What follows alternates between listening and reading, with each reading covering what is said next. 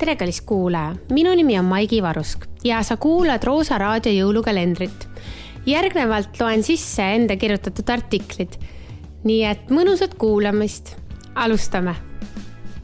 järgnev artikkel ilmus kahekümne teisel mail aastal kaks tuhat viisteist, vau, kaks tuhat viisteist no okei okay., ma ütlen enne, kui ma seda lugema hakkan, ma lihtsalt ütlen, et ma ei ole seda artiklit äh, lugenud mm, täpselt nii palju aastaid tagasi, kui see ilmus ja, ja ma ei mäleta mitte midagi sellest, aga ma mäletan, et see tekitas väga tugeva lainetuse.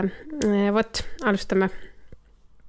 Mm, noor õpetaja, närtsinud tuhka-Triinu lugu kallid õpetajad, kui te oleksite tahtnud rikkaks saada, ei oleks te kunagi õpetajaks hakanud. siis oleksite pidanud suunduma kas kinnisvara või transiidiärisse. just nii kirjutas majandusteadlane Andres Arrak loos Karjäärinõustamine Alaku lasteaias. ja eks see ole ka õige, kuid ideaalis pole rikkus ja raha ju oluline. või siiski? mina lubasin endale kunagi hoopis teistel põhjustel kui raha ja rikkus, et minust ei saa kunagi õpetajat võta näpust, nüüd olen täiskohaga õpetaja ja klassijuhataja, mitte ei tee karjääri kinnisvara ega transiidiäris. eks kutsumus on veres. üldhariduskoolis olen õpetaja olnud kaks aastat ja teinud tähelepanekuid esimesest päevast alates. tahaksin lühidalt tutvustada üht hääbuvat liiki, noort pedagoogi õpetajaks sünnitakse, mitte ei hakata.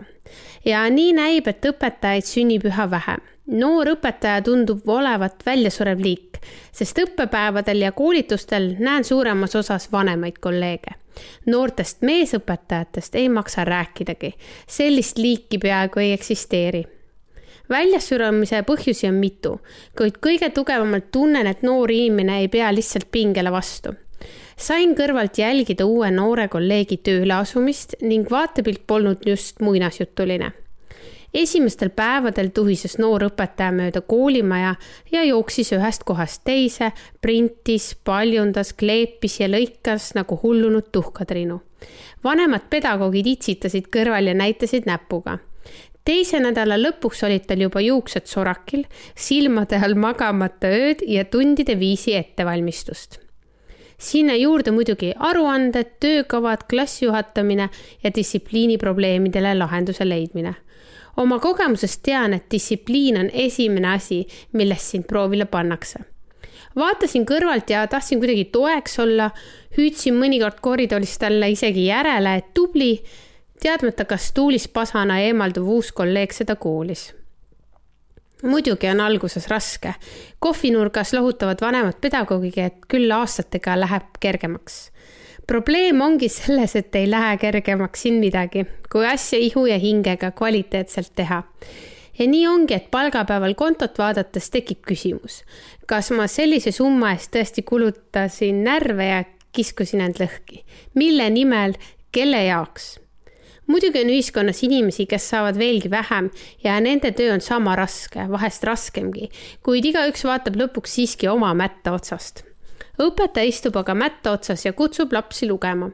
kui seda mätast ei oleks, siis siinkohal ei taha isegi edasi mõelda.